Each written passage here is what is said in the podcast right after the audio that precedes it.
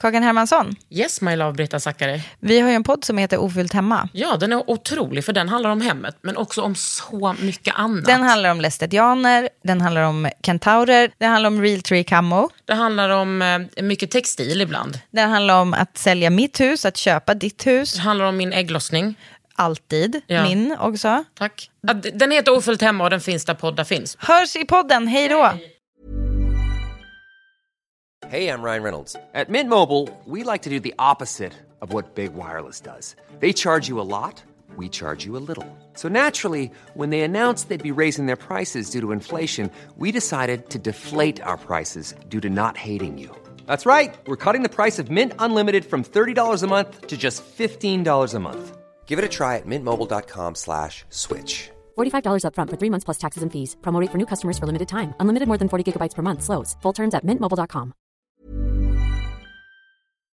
Sara Delshad är journalist och opinionsbildare och har startat gruppen Föreningen Muslimska Feminister. Och hon är här idag för att prata om allt mellan himmel och jord. Det är hett i studion, det är underbart hett i studion. Välkomna till Under huden. Det här är en podd från L.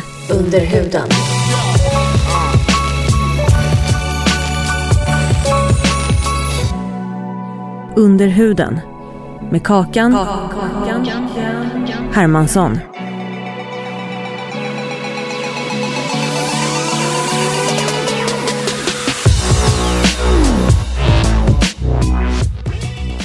Sara Delshad, Yes. fan vad kul att du har kommit hit. Tack snälla du. Du har också liksom lite så här bjudit in dig själv. Det har jag faktiskt. Ja, vilket är underbart. Ja, jag tror på det. Man får visa fram fötterna här i livet. Ja, speciellt om man är ordförande i Muslimska Feminister. Ja. Ja, det är Muslimska Feminister. Ordförande vet jag inte om jag är, men jag är grundare av Muslimska Feminister, en plattform kan man Ja. säga. Ja. Och det startade liksom som en Facebookgrupp, eller hur? Ja. 2012. ja, det gjorde det. Fem år senare, vad gör ni nu? Eh, vad gör jag nu kan man säga? nej, är det bara du som håller på och driver? typ. Ja. Utbränd. Ja, lite så. Verkligen. Mm. Nej, men det startades som en genuint frustrerad reaktion på noteringen av den muslimska kvinnans mediala frånvaro. Och den här konstanta fixeringen vid att göra den muslimska kvinnans kropp till, fys- eller till direkt eh, politik. Mm. Eh, upplevde att man eh, pratade mycket om henne, men utan hennes egna närvaro. Så jag tror väldigt mycket på medial representation av eh, muslimska kvinnor.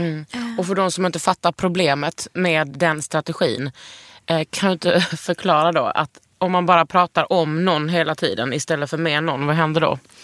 Ja, det är ju mycket som händer. Men eh, dels så blir det ju ingen korrekt eh, bild av verkligheten. Jag tror att det är otroligt viktigt att grupper kommer till tals just för att själv sätta ord på sin upplevelse av att vara muslimsk kvinna. Ja, för då blir det ju liksom som att alltså, muslimsk kvinna både i media, nyheter, bland feminister som i Sverige är liksom white as hell. Och också typ bland eh, extremhögern eller högern. I alla, på alla instanser, liksom, eller vad man säger, så blir ju den muslimska kvinnan någon annan. Alltså hon är typ satt i förorten med en stackars slöja. Och sen så ska vi andra liksom gotta oss och prata om hur synd det är med henne. Ja, det är ju väldigt mycket att vi ska rädda henne. Hon vet inte riktigt sitt eget bästa. Eh, Ja, du ska ju inte rädda henne. Det är vi som ska rädda henne, Ja, eller hur? Det är de vita exakt. goda som ska rädda. Precis, så är det. Och just den bilden är otroligt problematisk. Eh, och framförallt väldigt eh, förminskande. Jag tror, eh, först och främst så är ju inte muslimska kvinnor en enhetlig grupp. Det är som att eh, prata om gruppen kvinnor. Du kan ju inte säga att så här är en kvinna. Det finns ju tusen olika sätt att vara kvinna på. Detsamma gäller för muslimska kvinnor. Och en muslimsk kvinna är inte per automatik en beslöjad kvinna. Det ser så himla olika ut. En muslimsk kvinna är ju inte, liksom inte heller alltid straight eller har fött 12 barn eller ser ut på ett speciellt sätt. Precis, precis. Så schysst att jag förklarar det. Nu kommer hon, den vita riddaren på häst. precis ja. Men varför är, varför tror du att, det finns ju många kategorier varför vill den och den rädda. Men varför tror du att vi så här, vita feminister är besatta av att så här, frigöra den muslimska kvinnan? Ja, det är en jättebra fråga, Kakan. Jag har ingen svar på det. Det, det är klart, det går ju tillbaka till den, den här liksom koloniala bilden av muslimen och, och väst kontra öst Mm. och, och att de är liksom ociviliserade barbarer. Liksom. Så att det, det ligger ju långt eh, Ja. in på det sättet. Och nu i samtiden att vi, att vi liksom anser oss komma, ha kommit långt i frigörelsen och så adaptar vi det på muslimska kvinnor och tycker att det, det är bara det som funkar. Precis. Det är bara det som är jämställdhet. Precis. Ja, just det där med jämställdhet och kvinnlig frigörelse är också en väldigt intressant aspekt att Mm. prata om. Vad är kvinnlig frigörelse? Hur ser det ut? Eh, min utgångsvinkel har alltid varit att f- kvinnlig frigörelse ser ut på så himla många olika sätt. Och vi måste landa i att kvinnor är fullt kapabla att föra sin egen talan. Eh, och framförallt att det kan se så himla olika ut. Det som är frihet för mig behöver inte vara frihet för dig. Men någonstans måste vi som medsystrar mötas. Att det är okej eh, på något sätt. Din frihet ser ut så och det här är min frihet. Men eh, målet är ju givetvis att eh, vi ska krossa patriarkatet såklart. Ja. Och då enas man i systerskap. Jag Gärna tror hand i hand. Hand i hand. Jag tror jättemycket på systerskap.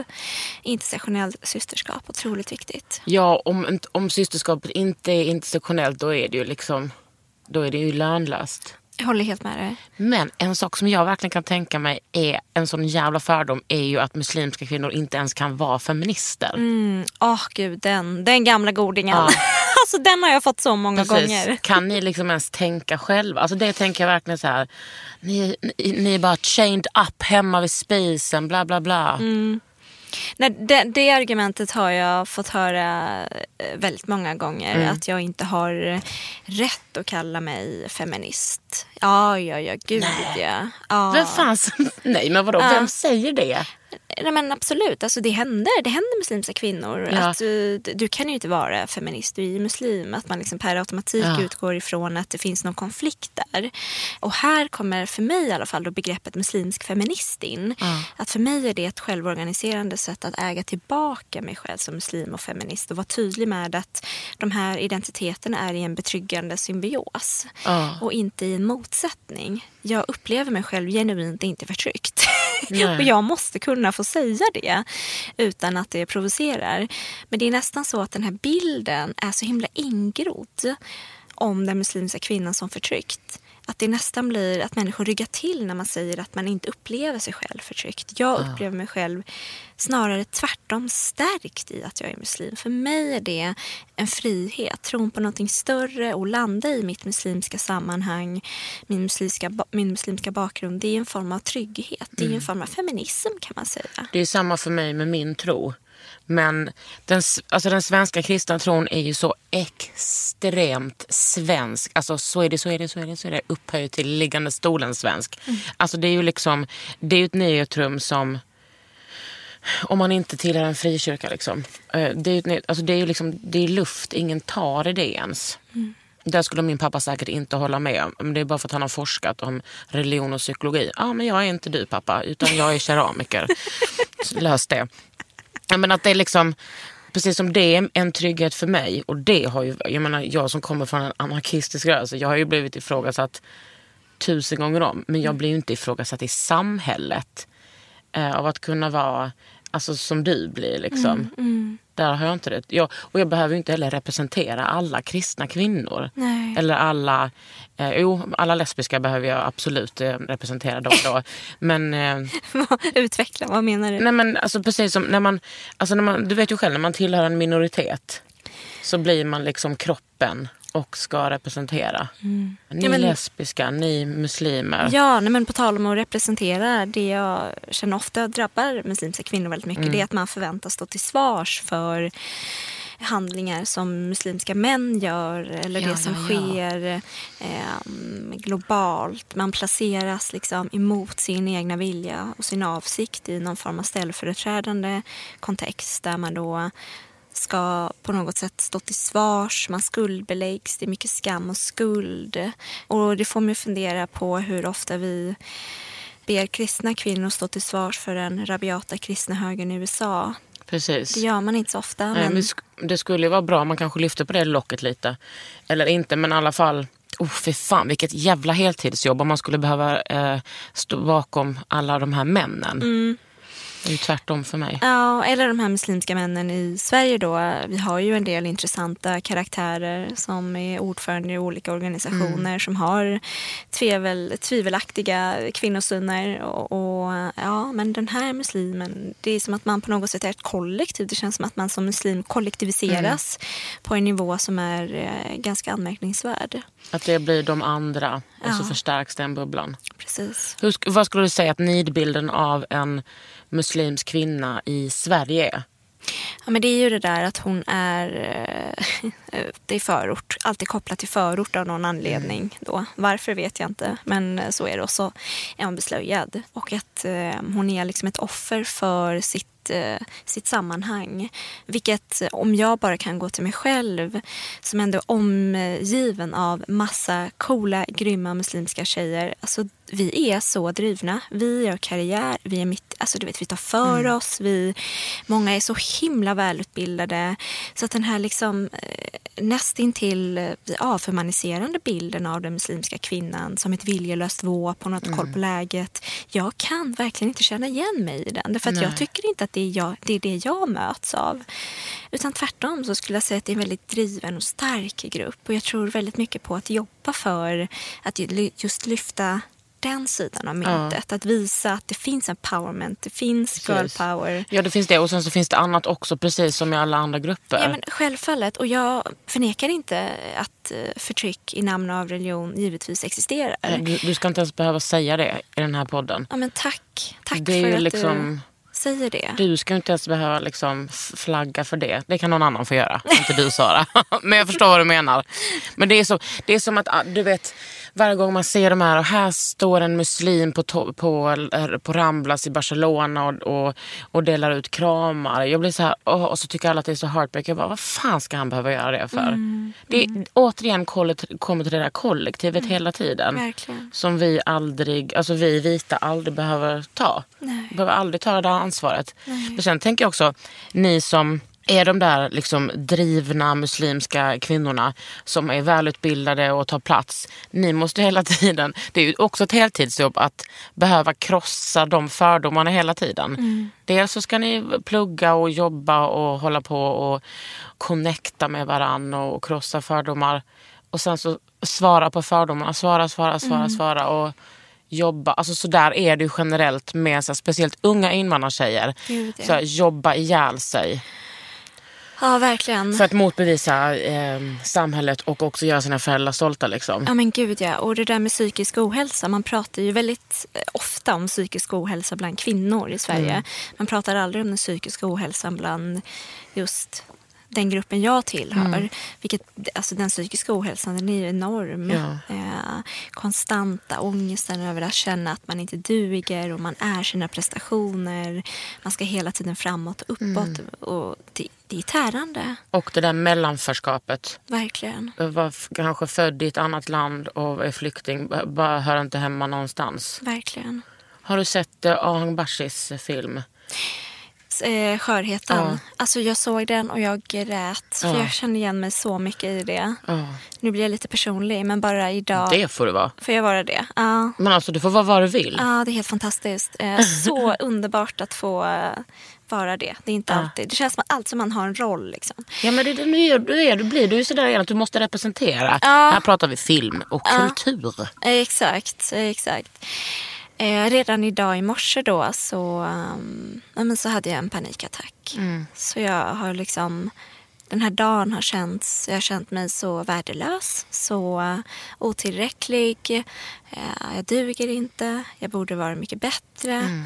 Eh, jag bara satt och grät i min ensamhet. Ehm, och jag, Och så är du liksom kingen. Du gör allting. Du driver det här. Du är ung och bara helt framgångsrik. Hon var också den yngsta som blev nominerad till Raoul Wallenbergspriset. 2015, Ja. jag ska tilläggas. Och då var du ännu yngre ju. det är sant, Really brain Kakan Hermansson. Då var du bara 25. det stämmer. Ja, Åh det stämmer. gud. Ja. Ja. Eh, Men jag tror också att den här eh, framgången som vi pratar om, det kommer ju oftast med ett pris. Eh, Och jag har ju haft min beskörda del av, av ganska mycket ångest och, och sjukskrivningar och gud vet vad. Och jag vet att det är förekommande bland kvinnor som är väldigt drivna. Vi är sköra eh, och jag tror väldigt mycket på att våga prata om sårbarhet. Jag tror att det är så vi kommer varandra närmare eh, som medsystrar. Att våga berätta.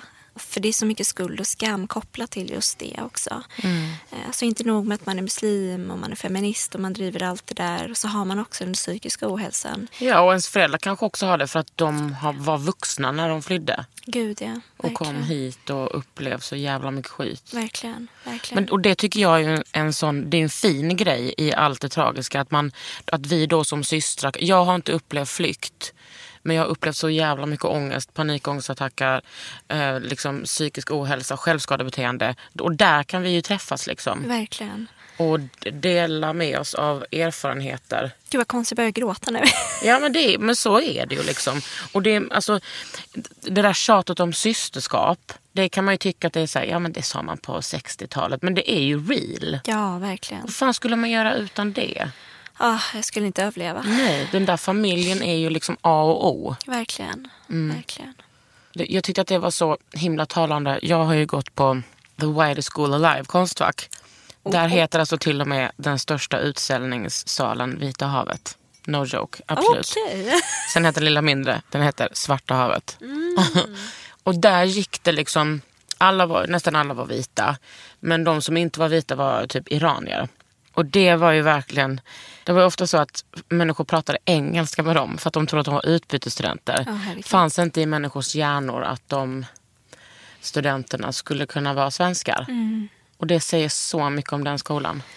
Verkligen, verkligen. Och det var också främst tjejer som var såna overachievers som är så jävla duktiga. Ja, ja, men det brukar vara så. Mm. Men jag tycker ändå att det börjar ske lite saker. Så att vi eh, börjar ju ändå se en viss form av representation av eh, slöjbärande kvinnor. Mm. Förra hösten så, så hade vi ju eh, på Åhléns magasin Precis, så ja. hade vi ju Suad Ali som är slöjbärande. Ja. Så att, eh, och vilket var jättefett. Mm. Och det är bättre än ingenting alls, tänker jag.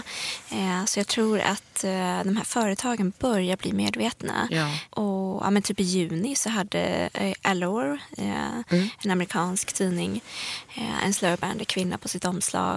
Och eh, även eh, Women's Running hade en slöjbärande Ah, kvinna. Du Det var den? så jävla fett. Ja, det- De har ju ändå varit ganska, inte, det är så här typ så att man blir nöjd när man får lite. Men de har ändå haft två plus size modeller på omslaget, eller tre. Och nu en slöjbärande. Här har vi henne. Halima Aden är den här modellen jag pratar om. Är hon eh, svensk eller nej? Nej, det är hon Så. inte. Så här ser hon ut. Jag lägger in en bild på bloggen. Gör det. Eh, hon heter Halima Aden och hon har ju 347 000 följare. Halloj. Jag upptäckte henne förra... Gud, trodde det var en bild på mig. Men det var visst Gigi Hadid. Ta det lugnt Kakan.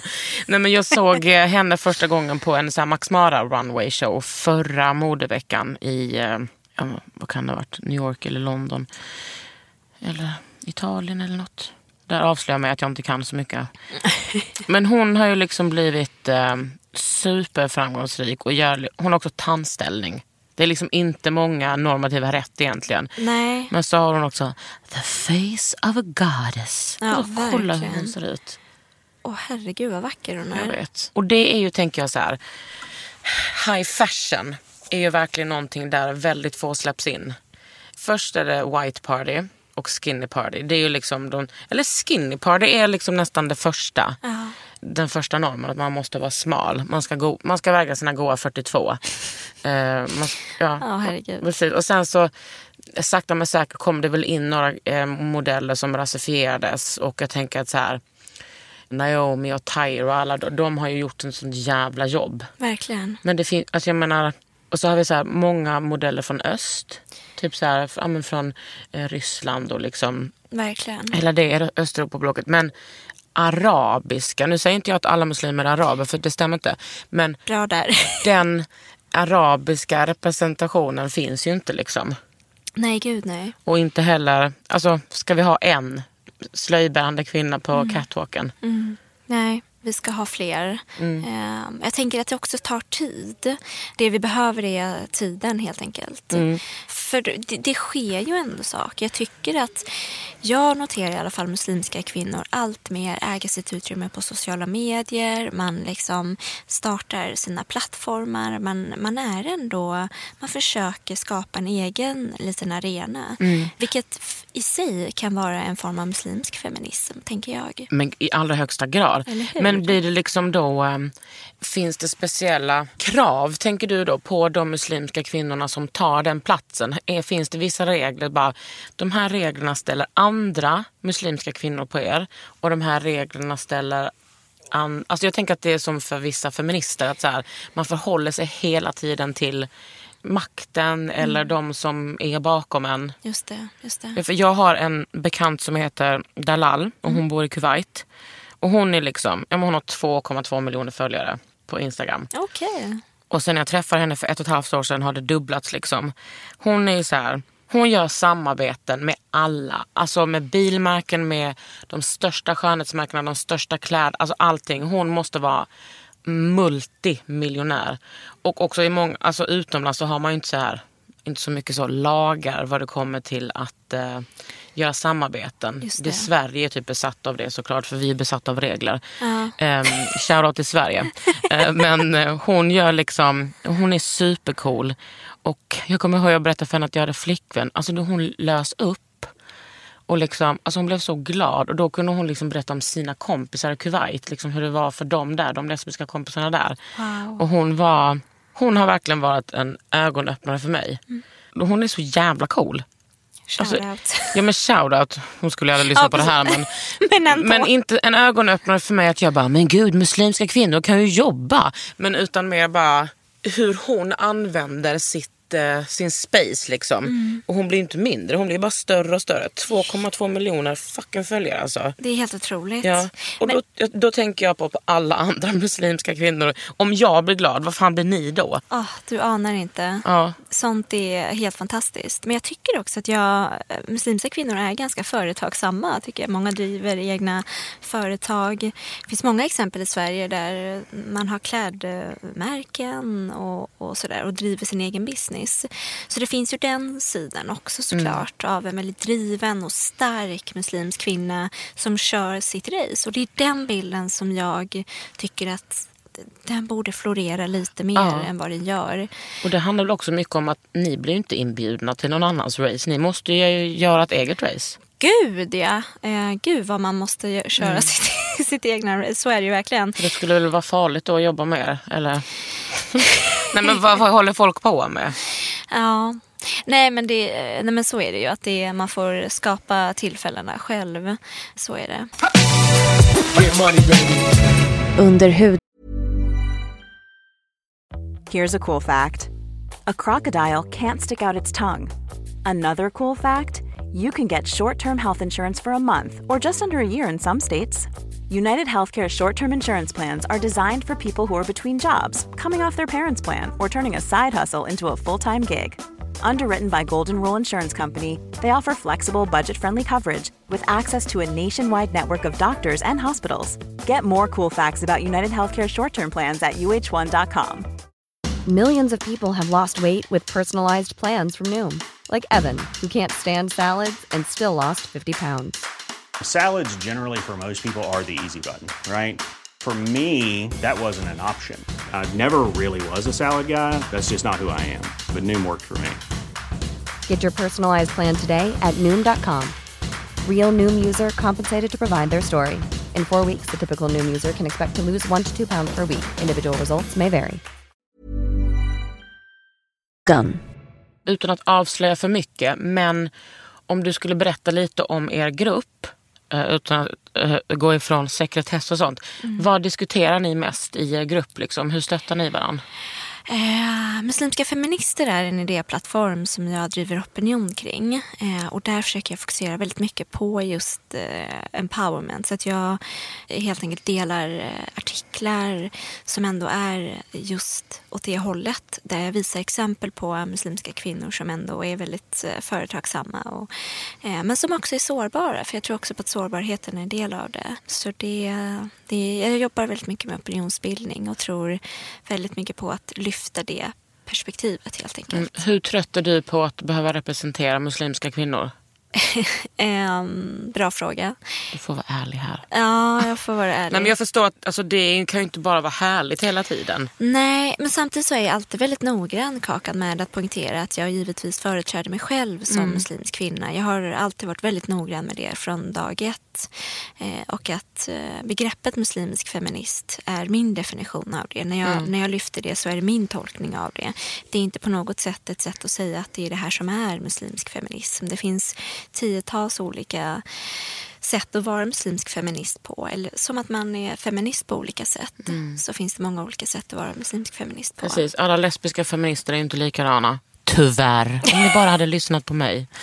Men, men jag tänker så här, eftersom det finns så många olika feminister, eller liksom muslimska feminister, har ni ofta liksom, jag tänker som i, i den vita feminismen så sker, så, alltså så sker det ju rätt mycket bråk. Liksom på gott och ont. För att alltså jag är ju av den sura karaktären nowadays. Jag är 36 och har varit feminist sedan jag var 12. Det är jävligt länge. Det det. Eh, jag är lite mer sådär att när folk säger att de är feminister så blir jag ju jätteglad för jag bara åh det är en, en, en syster eller en syskon, ett syskon liksom. Obs, inte cis-killar jättemycket. Men att jag ändå blir sådär, ja alltså du kan ju kalla det feminist men vad innebär det? Alltså som jag tycker att så här, uppfostrar man inte killbarn till exempel ordentligt så är de potentiella, potentiella våldtäktsmän. Upp, alltså jag, jag tänker så här, kan man inte skriva under på det så kan jag vara lite sådär, men vad är en feminist i så fall? Mm, mm. Och eh, jag, jag, jag tycker att det som har hänt bland den vita feminismen som vi liksom typ bara har att tacka för feminister som rasifieras är ju liksom att vi har blivit kritiserade. Att mm. bara, hallå vad håller ni på med? Mm. Så skärp er, se era privilegier. Ja. Och framförallt sluta tycka synd om oss själva. Ja, verkligen. Att vi blir liksom de vita kränkta männen. That's not a good look sisters. Nej, verkligen inte. Känner du att, liksom att det är ett eh, trippande på tå? Eller vad ska man säga? Är det liksom, hittar ni ofta varandra? Ja, nej men gud, det skulle jag verkligen mm. säga. Att uh, det är ju ett uh, systerskap, det är det verkligen. Och sen så tänker jag att det existerar um, reaktionärer inom alla grupper. Och den muslimska gruppen är givetvis inte befriad från reaktionärer och det är klart att jag har blivit uh, förminskad väldigt mycket. Um, men det tror jag också är en del av en del av det. Att vara kvinna och att höja sin röst för någonting du tror på mm. är förenligt med att du, eh, du blir bestraffad. Vilket har drabbat mig väldigt mycket. Och det har, det har kommit både från eh, eh medsystrar och från män, eh, tyvärr. Mm. Eh, men eh, jag tror väldigt mycket på att ändå våga fortsätta. Mm. För att jag är så övertygad om att muslimska kvinnor måste få företräda sig själva. Muslimska kvinnor måste få medialt utrymme att få företräda sig mm. själva framför allt. Men det kan ju inte bara vara du hela tiden som driver den här frågan. Nej, gud nej. Och det är, vi är ju många som mm. driver den här frågan. Precis. Och vi driver det på olika sätt. Mitt sätt att driva det är ju bara ett sätt att göra det såklart. Mm. Det finns massvis med eh, andra exempel. Mitt exempel är bara ett av många såklart. Mm. Där muslimska kvinnor börjar äga sitt utrymme, driver opinion och, och blir en tydlig röst. Så att det, den kampen förs väldigt brett och ser olika ut. Mm. Det som jag tycker är så jävla störigt då under ett, Jag kommer ju från en, ett, en väldigt troende familj. Mina föräldrar är katoliker, jag och min syster är protestanter. Det som jag tycker är störigt är att det är ett jävla tjat om liksom att ni är muslimer. Men man pratar ju aldrig om er tro. Man pratar aldrig om kärnan till er tro förutom när det kommer till extremism. Liksom. Och då är det några rader. Man pratar ju aldrig om liksom, Att så här, ja, men precis som judendomen och kristendomen så är islam en, en stark monoteistisk religion. Det pratar man ju aldrig om, att det är någonting som förenar oss tre väldigt mycket. Vi tror på en gud och det är det, det vikt, alltså det är typ number one i vår tro. Man är ju inte intresserad. Nej. Nej, nej men så är det ju. Och det är ju det är så jävla respektlöst om nu liksom tro... Sen tänker jag så här, visst, precis som för massa kristna så är det ju för olika för er. Hur mycket ni tror och hur, hur mycket ni inkluderar tron Jo, i men så, är, vardagen. så är det ju absolut. Eh, Jag menar den där tron ser ju så himla olika ut. Mm. Och eh, går ju inte att paketera i, eh, i ett fack. Muslimer eh, är ju eh, lika mångfacetterade som alla andra grupper. Så det Mm. går ju inte att säga att så här är en muslim eller det här är eller så här uppför sig en muslim. Och så tänker jag också på begreppet muslim. Eh, Vem är det och vad, hur, vad lägger vi för tyngd i det? Ja. Det är också en definitionsfråga väldigt mycket. Jag menar, I Sverige så för vi ju ingen statistik på religion så det är ju svårt att säga hur många muslimer vi har och, och Vi vad för ingen är. statistik men någon, något psycho bitch from hell gör ju det säkert. Ja, Kartlägger något så in i helvete liksom. verkligen. Men en sak som jag tänker på. Blir folk konfunderade av att du inte är slöjbärande? Mm, ja men gud ja, alltså, ja, ja, ja. Mm. Det, absolut, den frågan får man, det, den har jag fått. Sen, Varför är du haram? eh, varför är jag haram? Det är den. Ja, det är intressant att man är så fascinerad över kvinnors yttre attribut. Verkligen. Också att man alltid kopplar ihop det med mäns kontroll. Alltså så här, mäns vilja. Och sen kan man aldrig se eh, till exempel då den svenska normen. Och eh, problemet här. Ja, nej men verkligen. Varför har vi så lite självinsikt i det här landet? Sverige har verkligen, vi har sämst självinsikt känner jag. Ja, nej men den där frågan om slöjan. Eh, det, den, eh, ibland så, så får man den och det låter som om att det är ett ögonblick då jag insåg att jag minsann inte ville bära slöja. Som att det är ett beslut man har tagit. Eh, vilket det ju inte alltid är såklart. Och det är ingenting som jag har tänkt på. Och det är ingenting jag tycker att man ska behöva prata kring. Och det är också inte bara det, jag tänker på slöjbärande kvinnor som, som konstant får frågor. Eh, det, varf, Ja. Varför är det ens ett ämne att lyfta? Ja, för jag kan inte tänka mig att det är ett ämne bland er. Ni Nej, pratar väl aldrig om nej. det? Nej, det är irrelevant vad man har på huvudet. För mig är det väldigt irrelevant vad mina medsystrar har på huvudet. Mm. Det är ingenting som jag gör en större analys kring. Jag var ju i, eh, i det västsahariska flyktinglägret och jobbade typ några veckor för några år sedan. Eh, som är muslimskt. Och där, där upplevde jag liksom Förutom att jag blev lite sexualiserad för deras, eh, eh, deras skönhetsnorm är att man är tjock och blek. Så där, det var första gången i hela mitt liv. Jag har berättat detta innan på det, men det var alltså första gången i hela mitt liv där jag var normen. Alltså män typ bara satt och glodde på mig. Och Lisa, eh, en kompis till mig som, som var med, som är så normativt dundersnygg. Ingen kollar på mig. Hon bara, det är så jävla skönt, inga män kollar på mig. Jag bara, nej, här går man igenom några veckor i sitt liv där man plötsligt är en sexbomb. Nej, men där upplevde jag liksom, då visste jag rätt mycket hur det var där innan jag åkte dit. Men där fick jag verkligen, alltså mina fördomar bara, alltså bara krossades. För de lever ju i det här härliga separatistiska så himla ofta. Som jag då alltid har älskat. De har ju bland annat, alltså när de gifter sig så är ju deras bröllop separatistiskt. Mannen firar med sina kompisar och sin släkt och kvinnan firar likadant. Så ses de typ efter tre dagar. Fantastiskt. Goals. Ja. Tror de också har. De har också typ som en institution där kvinnor som har skilt sig från sina män kan bo ett tag och vila upp sig. Wow. Ja, det är så fantastiskt. Och sen så har de ju, nu är det ju värre eftersom de bor, nu bor de ju, de flesta bor i hus. Alltså som de, så här lerhus som de gjort själva. Som är ljudisolerande. Men innan när- folk bodde i tält i liksom flera decennier. Då var det ju liksom, alltså den fy, fysisk misshandel var ju rätt svårt att liksom fortsätta med eftersom det hörde så himla väl. Så det var ju liksom, det var ju inte alls ett problem där precis som, alltså om man jämför då med här i Sverige där vi har så enormt stora problem med, med hustrumisshandel och hur man ser hur det ser ut på alla kvinnojourer och sådär. Ja, verkligen. Eh, jag upplevde liksom att deras, alltså de har bott i de är fem städer i Algeriet.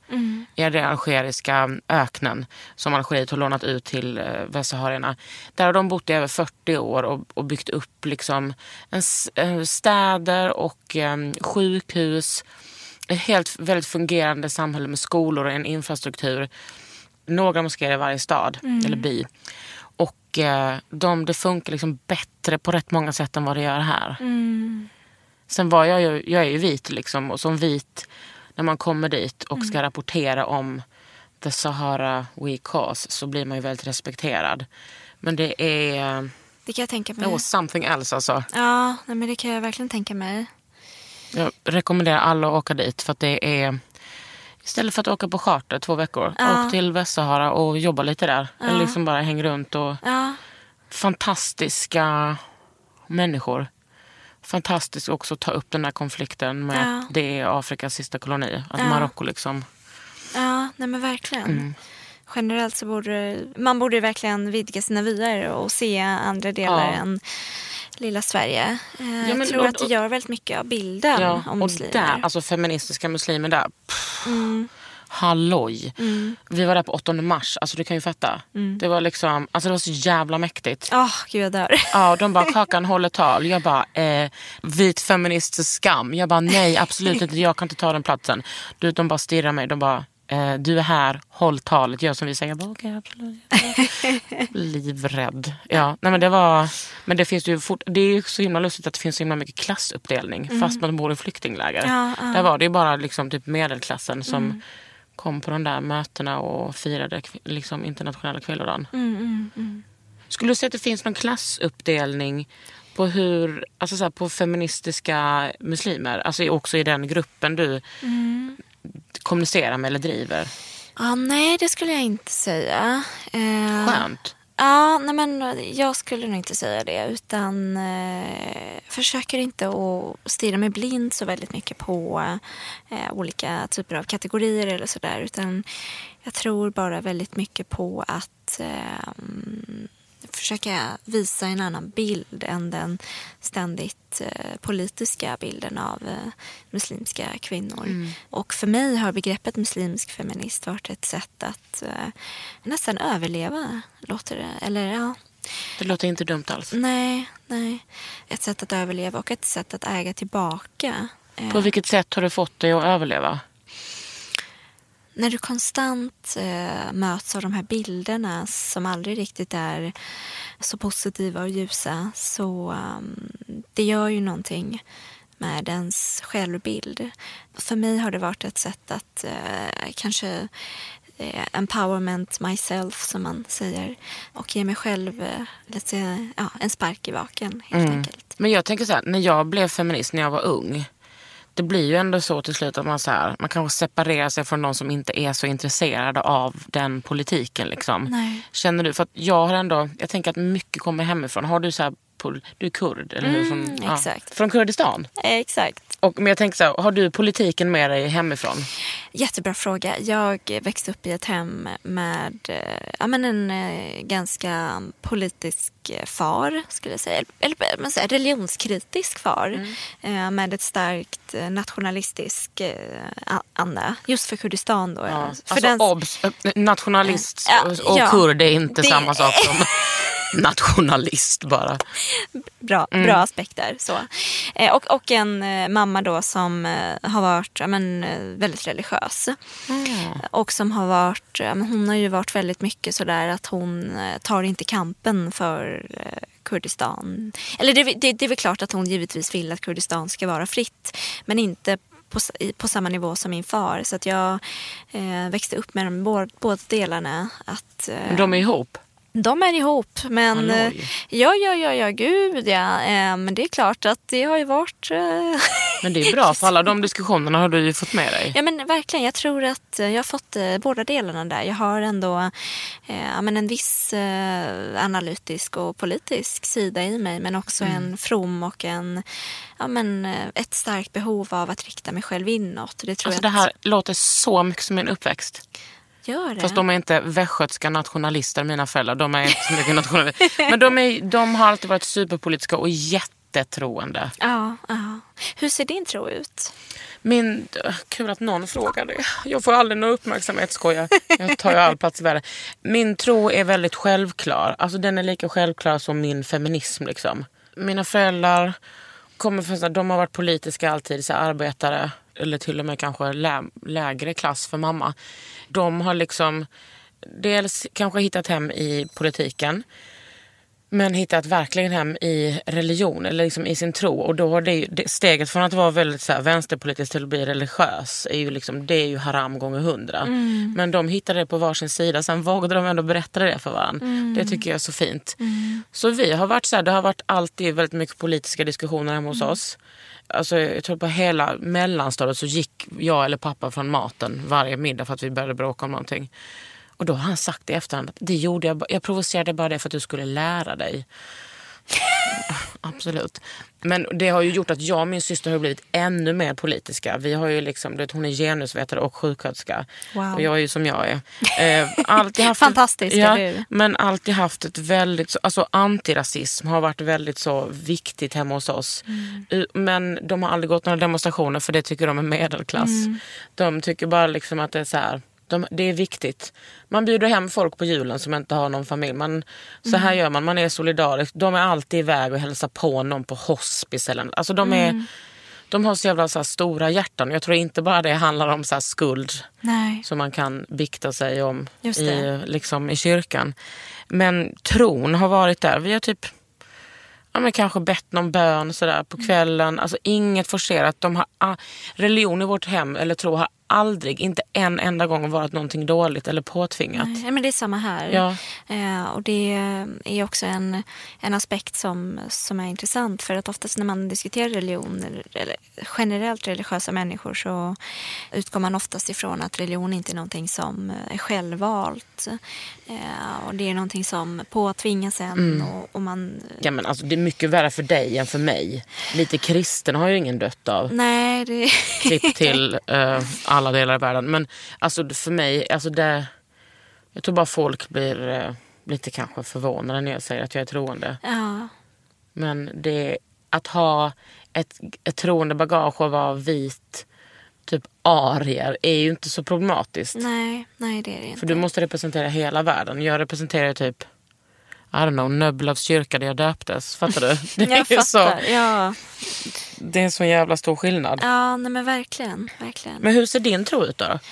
Min tro är, eh, ja men den, det, det är svårt att sätta ord på den, men den är, det är mer av en upplevelse att jag eh, alltid försöker landa i att det finns eh, en mening bakom allting och eh, det finns någon som vakar över mig och jag mm. Eh, är aldrig ensam.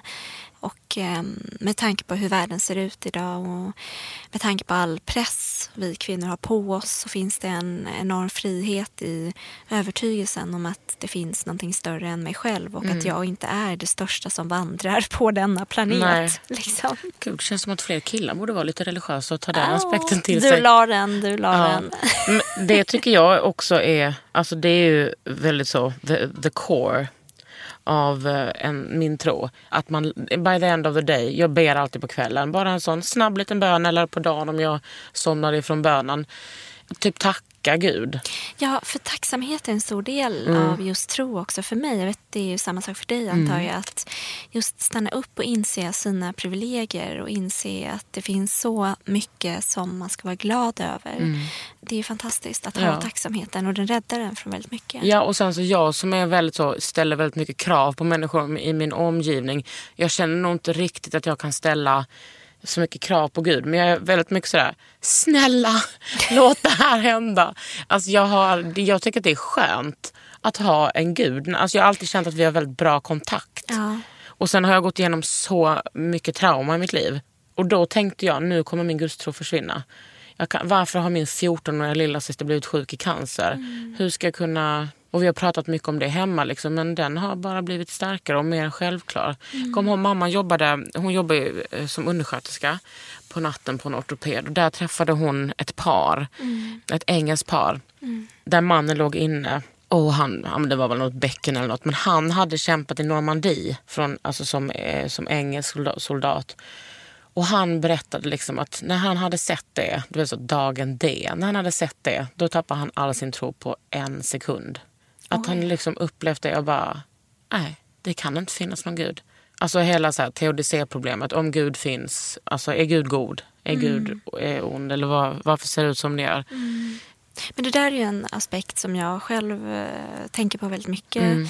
På just eh, ja, men ondska och godhet. Och för ett argument som man möts av som troende är ju ja, men, eh, om det finns en gud, varför eh, sker det så mycket ont? Eh, och jag försöker alltid landa i att det, det måste finnas ont för att det ska finnas gott. Det måste finnas mörkt för att det ska finnas ljus. Ja, och också, snälla rara, vi har ju ansvar själva här på jorden. Verkligen, verkligen. Och det som min, jag tycker min pappa brukar, han bara, "Eh."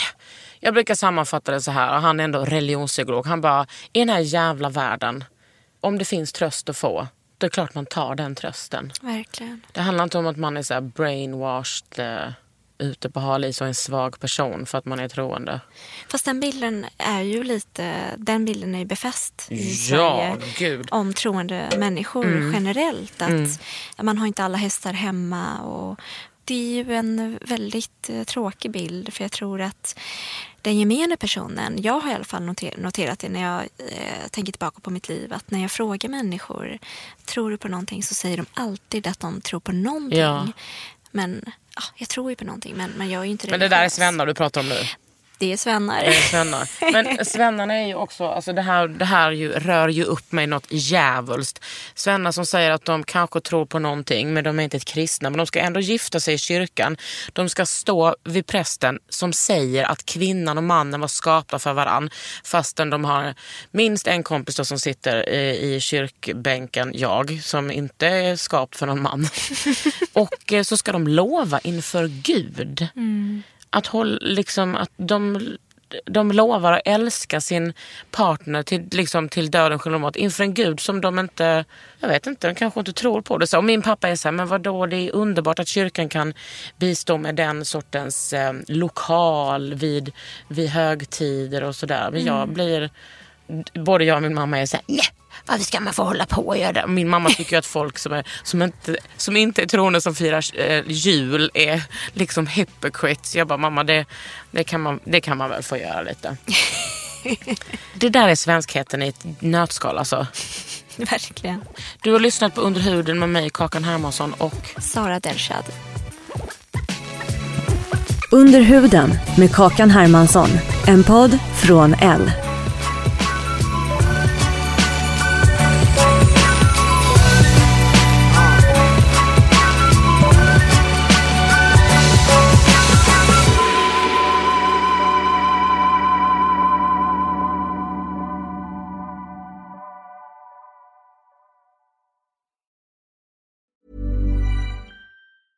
Even when we're on a budget, we still deserve nice things. Quince is a place to scoop up stunning high-end goods for 50 to 80% less than similar brands. They have buttery soft cashmere sweaters starting at $50, luxurious Italian leather bags, and so much more. Plus, Quince only works with factories that use safe, ethical, and responsible manufacturing. Get the high-end goods you'll love without the high price tag with Quince. Go to quince.com slash style for free shipping and 365-day returns.